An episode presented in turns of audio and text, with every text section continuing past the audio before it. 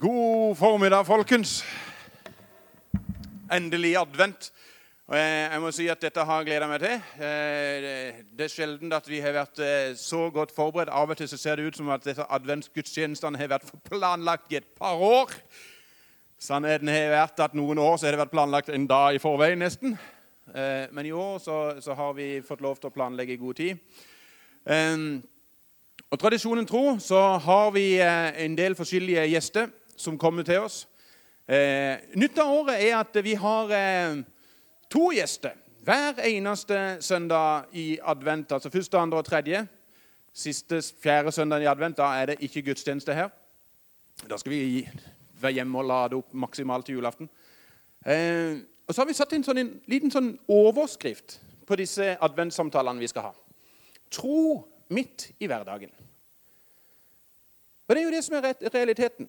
Altså De fleste av oss har mest hverdager. De fleste av oss har ikke flest søndager og masse gudstjenester. De fleste av oss lever ute i en vanlig hverdag. Og Derfor syntes jeg det hadde vært gøy å treffe noen som, eh, som kan ta og si oss litt om det å ha en tro midt i hverdagen. Og så syntes jeg det var litt moro, for at i år så har vi klart å gjort det sånn at vi har besøk av en mor og en datter. Og så En dag så kommer det en far og en sønn. Og så En dag så kommer det en mor og en datter. Og Akkurat i dag så har vi med oss en mor og en datter. Eh, begge to har vært innom her i PMK med jevne mellomrom i ulike anledninger. De kom opprinnelig fra en flott liten by som ligger et bitte liten svipp nord for Porsgrunn. Vakkert lite sted som heter Skien. Eh, og vi er veldig happy for at det fins en by som heter Skien. Eh, Hva hadde vi vært uten de, tenker jeg iallfall. Eh, Dattera er, er vært vant med å stå på en scene. Så det å få henne til å være med å sitte ned, det tror jeg ikke jeg har sett henne før. Sist søndag så sto hun på en scene og leda 1300 i lovsang og tilbedelse, og jeg var til stede, og det var mektig. Mor hun så dagens lys i 1975, en desemberdag i, i, i 1975. Eh, og allerede i en alder av, av 28 år så var hun trebarnsmamma. Eh, og, eh, eh, og i dag så er de som sagt her. Så nå syns jeg dere skal gi en god og varm applaus til Inger Elisabeth og Konstanse Borge. Vær så god, kom opp.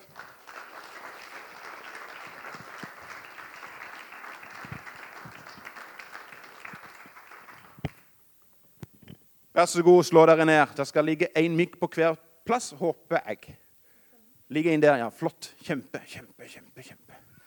Du, så moro. Eh, der er eh, kaffe. Drikker du kaffe, Konstanse? Eh, noe, men da må jeg ha melk. Vil du ha melk? Nei, det går veldig Nei. fint. Kan du ha vann i kopp? Jeg vil gjerne ha kaffe. for Dette er en av de gledene med å være sånn adventsgudstjeneste. Det er at vi kan faktisk sitte eh, her oppe eh, og, og drikke og kose oss eh, mens andre folk ser på. Eh, Inger Elisabeth, skal du ha kaffe? Ja, takk gjerne. Eh, jeg har ikke trakt den sjøl, så jeg satser på han er god. Eh, men det er lov å ta vann òg, hvis du vil det, Konstanse. Ja, og eh, mandarin og litt sånne ting. Livet er herlig. Har folk i salen det er greit? Ja.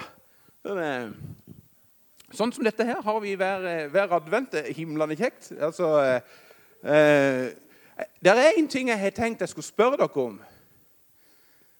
Og det er eh, eh, Er det noen av dere som har tannlegeskrekk? Absolutt ikke. Absolutt ikke. Nei, Hvorfor det. Eh, Har du lyd i mikrofonen din? Jeg tror jeg har lyd. Ja, det er lyd i mikrofonen din. Jeg har lyd med ingen tannlegeskrekk. Ingen tannlegeskrekk? Nei. For det hadde vært himlende leit. For eh, mannen din er tannlege. Det stemmer. Her i denne lille byen. Her i denne lille Var det sånn at Magnus var, var det sånn at Magnus så mer potensial her nede enn i Skien? Det var mer som der må de trenge mye tannpleie. Og, det, Ja, han er veldig omsorgsfull, så jeg tror det må være noe sånt. omsorgsfull. Ja, det, det er godt. det er godt, det er godt. Så det, jeg, jeg, jeg tror ikke jeg vet om så mange eh, Nei, jeg, jeg skal ikke gå inn på det sporet der, forresten. Um, du um, Jeg må jo spørre deg, Konstanse. Sist søndag Fullsatt sal i Kristiansand, 1300 mennesker. På en skala fra 1 til 10. Var det kjekt? Det var ekstremt bra. Da må jeg gi en tier. En Det var eh, skikkelig stort å få lov til å være med på. Veldig gøy. For de av dere som ikke vet det, så var det en svær konferanse i Kristiansand som heter Gi Jesus videre. Og Konstanse og Jannike, som også sitter på bakerste benk her, var med og leda lovsangen der inne. Jannicke er kona til min kollega og ungdomsarbeider her, Jan Einar. Um, og det var en flott konferanse. Det, det er ikke annet å si. Så det, du, når vi skal snakke i dag om tro midt i hverdagen, så syns jeg det er alltid gøy å spørre. Og vi må jo begynne med de eldste. Er du vokst opp i en kristen setting en gang, Elisabeth? Ja, det er jeg. Jeg vokste opp i et eh, kristent hjem i eh, Delk. Er Delk en by? Nesten. Nesten, ja. Den hadde i hvert fall bymurer. Eh, nei, det var eh, eh, Nei, det er en menighet. Det evangelisk-lutherske kirkesamfunn. Ja. Eh, som eh, jeg var med i og aktiv til eh, Konstanse gikk i første klasse ca. Ja. Men, men på et eller annet tidspunkt så eh, gjorde du sannsynligvis et valg. Altså, dette her er ikke på en måte kirkesamfunn som gjør at du sitter her i dag. Nei, det stemmer. Eh, Jeg var eh, opptatt av tro bestandig. Eh, Og da jeg blei tidlig i tenåra, så var jeg veldig opptatt av å, eh, å finne ut om Gud var noe mer enn teori. Om det var på en måte en relasjon å finne. Og jeg var veldig på leit etter den relasjonen. Og den kom gradvis. Fikk en veldig sånn sterk opplevelse av Guds kjærlighet gjennom tenåra, egentlig. Kan jeg spørre? Hvordan gjør du det? Altså, hvordan, hvordan eh, finner en den relasjonen? Husker du det? Ja, jeg husker det. Eh, Jeg husker at um, Fordi at tro også var veldig mye levesett i min oppfatning, så tenkte jeg at det gidder jeg ikke. Eh, hvis, hvis tro bare skal være på en måte en sånn moralsk retning, retning så det, det, da kan det i grunnen være det samme. Eh, så jeg husker jeg liksom over tid ba og, og virkelig med trøkk. Eh, Gud, vis meg eh, din kjærlighet. For hvis dette skal være noe poeng, så, så må det på en måte bunne i kjærlighet. Eh, og jeg husker jeg fikk en opplevelse en gang jeg lå på senga og tenkte at hvis jeg ser et snev av Guds kjærlighet, da kommer jeg aldri til å komme unna igjen.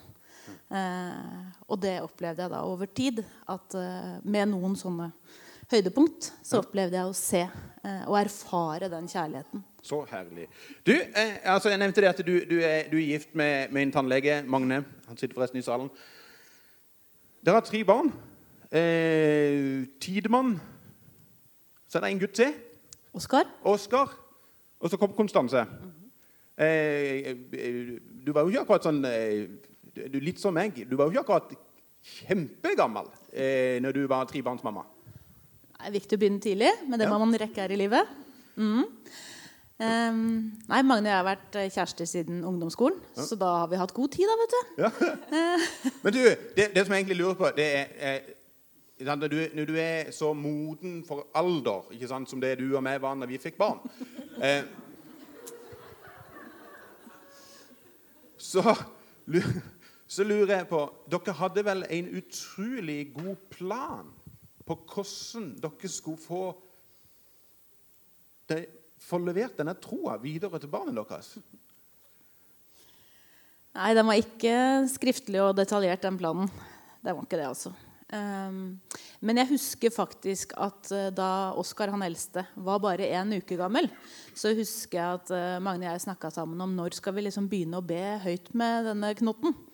Ehm, og så blei vi liksom enige om at nei, vi begynner nå, fordi at eh, da er det ikke kleint. Eh, for nå, han, eh, nå skjønner han så lite, og så kan vi på en måte venne oss til det. da.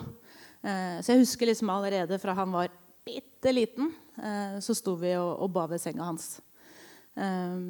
Så den feilen vi gjorde, var at vi Det å be høyt med barna, det kobla vi til sengetid. Og det er ikke så naturlig nå når de er så store, da. Eh, så dermed, hun er så ikke med som inne og ber fortsatt. Nei, det er sjeldent, altså. Det er veldig sjeldent. Ja. Nå kommer mamma og pappa og er sånn Nå er det.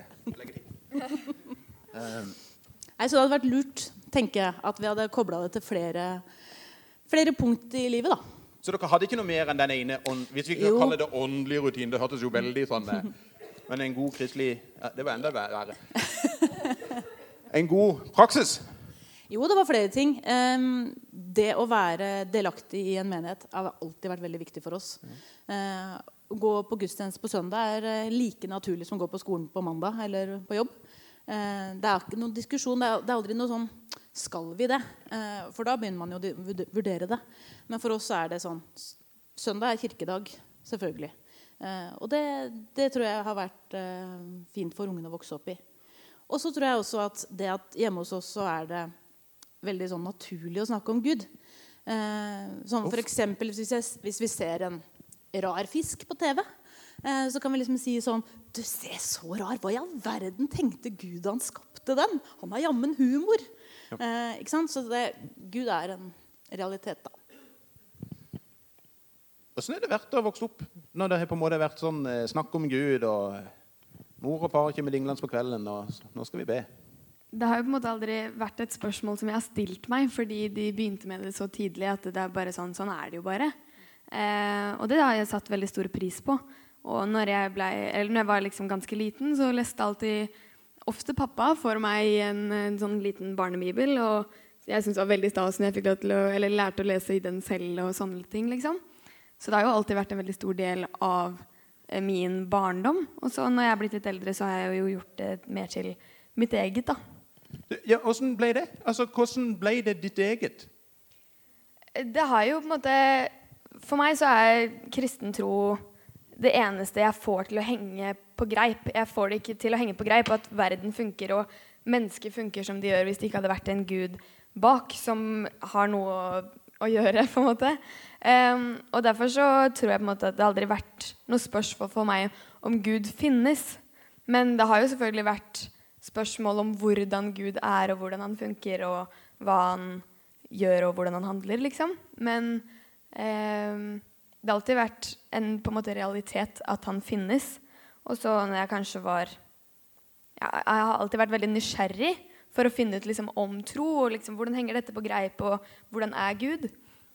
Så når jeg var kanskje tolv år, tenker jeg, så var jeg på Liv og vekst i Stavern. Og da var det sånn alle vennene mine ville være med på Åpent hus, som det het. Barneopplegget der. Um, men jeg, var veldig, jeg insisterte veldig på at jeg hadde lyst til å gå på voksenmøtene. Og det var jo, alle var bare sånn Hvorfor gidder du det? Vi skjønner jo ikke hva de sier uansett. ikke sant? Uh, men jeg hadde veldig lyst til å reise på voksenmøtene. Og så en dag så fikk jeg med meg én venninne til å gå på en tale av Siri Iversen. Og jeg husker egentlig veldig lite av hva den handla om. Men uh, hun hadde en frelsesinnbydelse i slutten av den talen eh, som jeg takka ja til. Og etter det så har jeg egentlig hatt tro som, en, som er min, da, og ikke et resultat av mamma og pappa. på en måte. Jeg er så gammel at jeg blir sentimental hver gang noen forteller hvordan de ble frelst. Jeg. Ja. Um, er det, er, nå, eh, Konstanse, du er 16 år. Snart 17. Uh, Iallfall 16. 16. Um, er det sånn at du tenker at eh, Jeg kan stille dere et spørsmål begge to. Er det sånn at dere tenker at tro har forma dere, eller har dere vært med å forme troa? Den er djup. Jeg kan svare, jeg. Um, jeg tror jo at det er på en måte noe som går litt hånd i hånd. på en måte eh, at troa former meg 100% Den påvirker hva jeg driver med. Det er jo på en måte, hadde jeg ikke trodd, så hadde jeg ikke sittet her. Og jeg hadde ikke vært aktiv i ungdomsarbeidet i Skien misjonskirke, som jeg er. Og jeg hadde ikke vært med å lede lovsang på Jesus videre. Um, og i tillegg så gjør troa mi eh, at jeg møter mennesker på en kanskje annerledes måte. Og jeg tror jeg har et litt annerledes perspektiv på ting enn det ungdommer flest har. fordi jeg tror det er en gud bak, og fordi jeg tror det er et liv etter døden. Og Derfor så er den tiden her så liten og så kostbar at jeg kan på en måte ikke Den 'you only live once'-teorien, på en måte. Det funker, men bare motsatt vei av det den er skapt til. Fordi folk lagde jo den for å ha en unnskyldning på å gjøre dumme ting. Mens jeg mener heller det er en, en forklaring på hvorfor du må gjøre bra ting. Så er jeg på 16 år. Er du litt stolt av henne, eller? Jeg er kjempestolt av henne. Um, jeg kjenner at uh, troen former meg, og jeg blir forma av troen. Det er, det går, jeg er enig med Konstanse at det går hånd i hånd. Uh, men det viktigste for meg det er nok at jeg lever i et møte med en uendelig nådig Gud hele tida. Uh, og den, det der å være ubetinga elska, det er så viktig.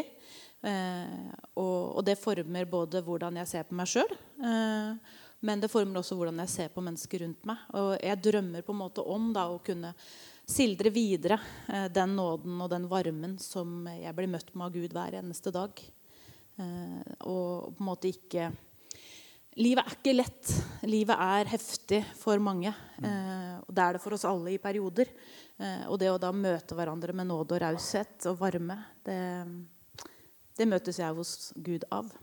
Og så For meg er det også veldig viktig at ja, jeg kan forme troen, men jeg former ikke Gud. Og det er veldig deilig å vite, fordi Gud er ikke avhengig om jeg tror på han eller ikke for å eksistere. Mm. Og Derfor så former jeg troen, men jeg former ikke Gud eller Guds eksistens eller hvordan han er.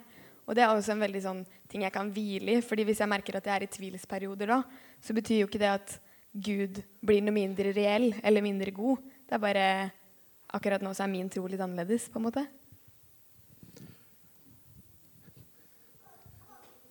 Ja.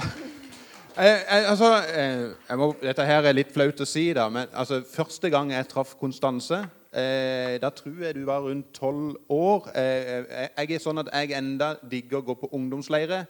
Var påskeleir.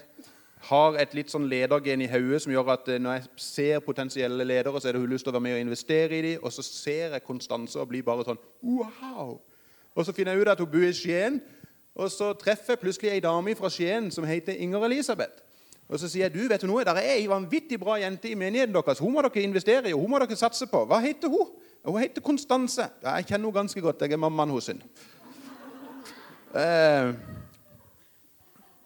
du, en vanlig sånn hverdag, altså hverdagstro altså, Har dere fortsatt litt sånn både i forhold til åndelig rutine hjemme men sånn, hvordan ser en hverdagstro egentlig ut? En, altså, du er, jobber i fylkeskommunen, prosjektleder. Påvirker det dagen din? Ja, det gjør det. Eh, fordi det er jo en veldig stor del av meg. Så jeg kan jo på en måte ikke Det blir helt uh, pussig å se for seg meg uten tro og uten Gud som en, en del av meg. Um, men det er klart det at uh, jeg lever jo et helt normalt liv som alle andre, og opptatt av alt som alle er opptatt av. Uh, men, men, jeg kjenner nok det at jeg er ganske, ganske, trygg på det å, å um, være bevisst på at jeg representerer. så når jeg møter mennesker rundt meg på jobb eller andre steder som, som åpner litt på at ah, det, det, er litt tøft om dagen, eh, så er jeg mm, kjapp med å si at eh, du, jeg, jeg, er sånn som ber. Kan jeg få be for deg? Gjør du det på jobb? Eh, ja, men det er ikke så ofte jeg ber på jobb, for det syns folk er kleint. Ja. Eh, men jeg sier det at du, jeg, jeg, tar deg med når jeg ber. Eh, Hva svarer folk, da? Ja, ja, jeg har ikke så gode kontakter med han der oppe, men, men ikke, ja, det er fint hvis du gjør det. det kan jo ikke skade. Så folk er ikke sånn at Nei, det må du ikke gjøre. Nei, nei. Folk er egentlig positive. Opplevd. Jeg har aldri opplevd at noen har sagt nei. Så egentlig så burde vi gjort det oftere? Det er i hvert fall ikke farlig. Eh, jeg tenker at Det må jo være som man er komfortabel med. Ja. Eh, og noen ganger så passer det jo ikke i det hele tatt. Eh, og, og ja, nei, men jeg tenker det er jo noe med at jeg, jeg snakker om Gud på en litt sånn lettvint måte. Mm. sånn at Jeg husker en gang En liten historie. lunsjen på jobben. og, så, og så satt vi og, og prata om et eller annet sånt en sånn urettferdighet i verden. Eh, og, så, og, så, sier jeg ja, når jeg kommer hjem, så skal jeg snakke med henne om det der. Skal jeg spørre Gud? Ja. Og de liksom bare What? Hva sa du? Når du kommer hjem? ja, da, Nå mente jeg hjem til himmelen. Da, da, kjenner jeg at jeg må snakke med Gud om det. Og det er bare sånn Å, du er litt rar. men, men, det gjør jo at, at de, ja, de, de, vet at jeg er litt rar. Eh, så de vet at jeg snakker med Gud både nå og der hjemme nå der hjemme. Du, nå høres det jo ut som at alt eh, livet går på skinner for deres del hele veien her. Eh, dette er med som prototypen på hvordan få det til, liksom. Men, men eh, det er ikke det. Eh, men eh, for for en tid tilbake siden så blir du plutselig sjuk. Hva gjør sykdom med tro? For meg så blei det aldri et spørsmål om Gud eksisterer eller ikke. Men det ble et Gud Eller jeg følte at Gud ikke funka.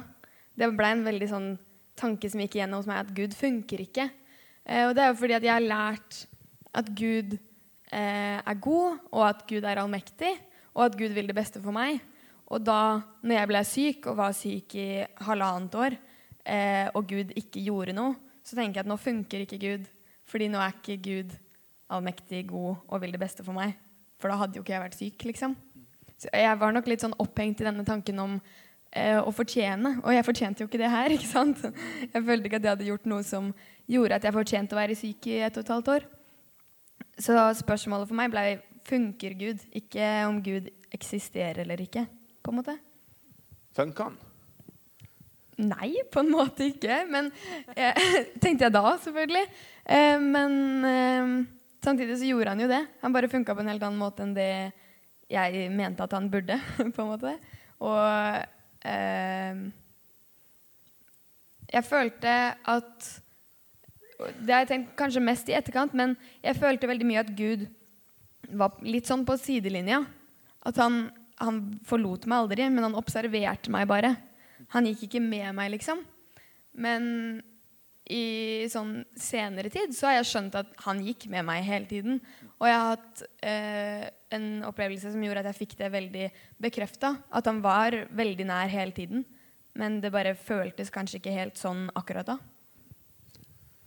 Altså, Som eh, foreldre, når barna våre blir syke altså Du tukler ikke der. med. Altså, da, da, hva, hva, skjer med et mammahjerte når, eh, når dette skjer? Um, det er jo så rått, på en måte. Man vil jo bare bytte plass og ta, uh, ta det som er vondt og vanskelig. Um, I forhold til Gud så var jeg mye fortvila, uh, mye insisterende. Uh, og, og litt sånn Jeg vet du kan. jeg vet du kan helbrede. det er ikke tvil om. Men hvorfor i alle dager gjør du det ikke? Eh, og det ble en ganske sånn intens eh, bønn. Eh, og så var det eh, et, eh, et, bilde, eller en, en morgen da, som, som, jeg satt eh, med Gud. Og så, og så, var det dette her som var tematikk at Hvorfor griper du ikke inn, Gud? og så opplevde jeg at Gud viste meg noen bilder fra Oskar, han eldste, var ca. et år hvor jeg satt på gulvet, og han skulle lære å gå. Um, og han datt, og han slo seg, og opp igjen, og datt og slo seg opp igjen. Holdt på. Og jeg heia og motiverte og trøsta og hjalp ham på beina. Uh, og så um, sa, opplevde jeg at Gud sa hadde det ikke vært veldig mye mer effektivt at du bare bar den ungen?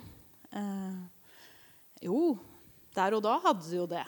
Uh, og så opplevde jeg at, han, eh, han, at Gud blunka, og så sa han ja, hadde det fortsatt vært lurt Nå er han jo snart 20. eh, hadde det vært kjekt å ha den i vogn og på armen fortsatt? Eh, og, så, og, så, opplevde jeg på en måte at vi hadde en dialog rundt det at eh, ja, jeg kan gripe inn. Jeg kunne båret Oskar da han var liten. Eh, men Gud sa at ja, jeg kan gjøre under. Men det er noe Jeg har på en måte et større potensial jeg ønsker at skal utvikles her. Um, så, så, det kommer ikke uh, en sånn quick fix. Uh, her må man lære å leve midt i det som er heftig. Uh, og det, det ble en veldig, veldig hjelp for meg gjennom det.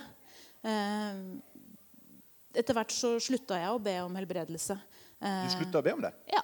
Ja. Eh, for jeg, jeg, opplevde på en måte at uh, Gud sa at nei, det er, ikke, det er ikke det som er greia. Uh, det, det, er Jeg vil lære dere noe mer. noe annet. Du, når du hører at mamma slutter egentlig be for deg var, Hun sa det litt det... sånn. Hun sa ikke det. Hun slutta ikke å be for det, men om helbredelse. Hva tenker du om det i ettertid? Jeg gjorde nok det samme. Du gjorde det? Ja, jeg tror det. Jeg slutta nok før mamma. Ehm, det blei eh, kanskje litt for eh, ambisiøst for meg. på en måte. Jeg torde ikke helt å håpe på det. Og så visste jeg at Gud kunne, men jeg tenkte at det avhenger ikke av mine bønner. Og, så, og så visste jeg også at mange andre ba for meg. Så tenkte jeg at da kan de ta seg av det, for det blir litt for mye for meg akkurat nå. Og så ba jeg heller om, om at han skulle gi meg forståelse for hvorfor han driver med det han driver med.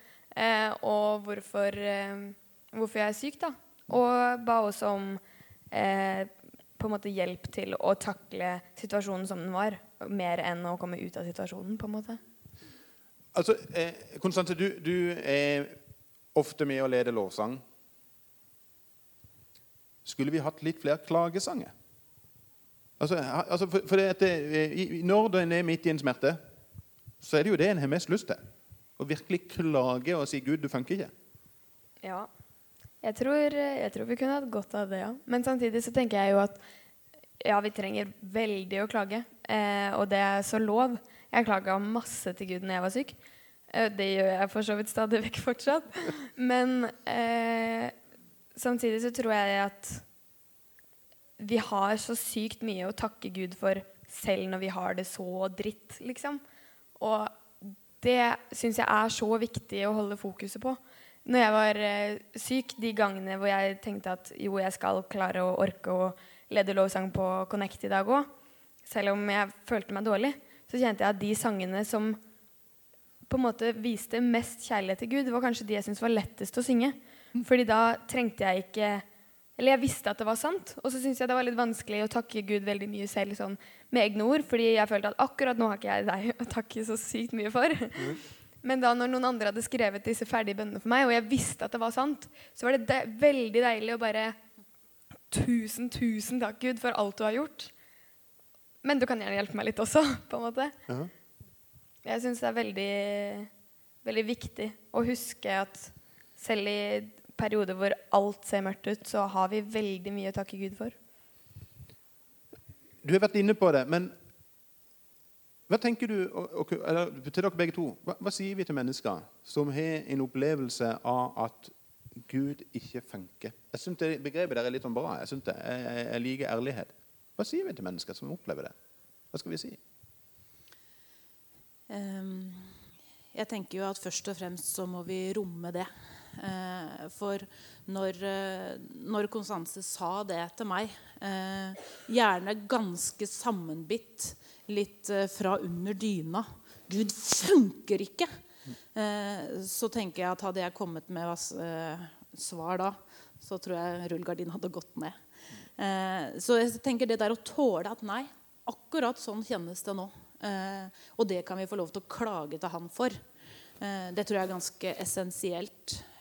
det er lov å være der. Gud tåler det. og jeg tror at vi har mye å gå på da, ved å romme hverandres smerte. Eh, det er så bra sagt å romme hverandres smerte. Mm. Og så ser, Som Konstanse sier, og, og, jeg også erfarer det at når man ser det litt sånn i perspektiv bakover, eh, så funka Gud. Men på andre måter. Eh, og eh, jeg blir jo veldig fascinert av hans store perspektiv. Mm. Og en av de tinga som som ble en aha-opplevelse for meg, faktisk, var at Gud bruk, brukte også mennesker som påstår at han ikke fins.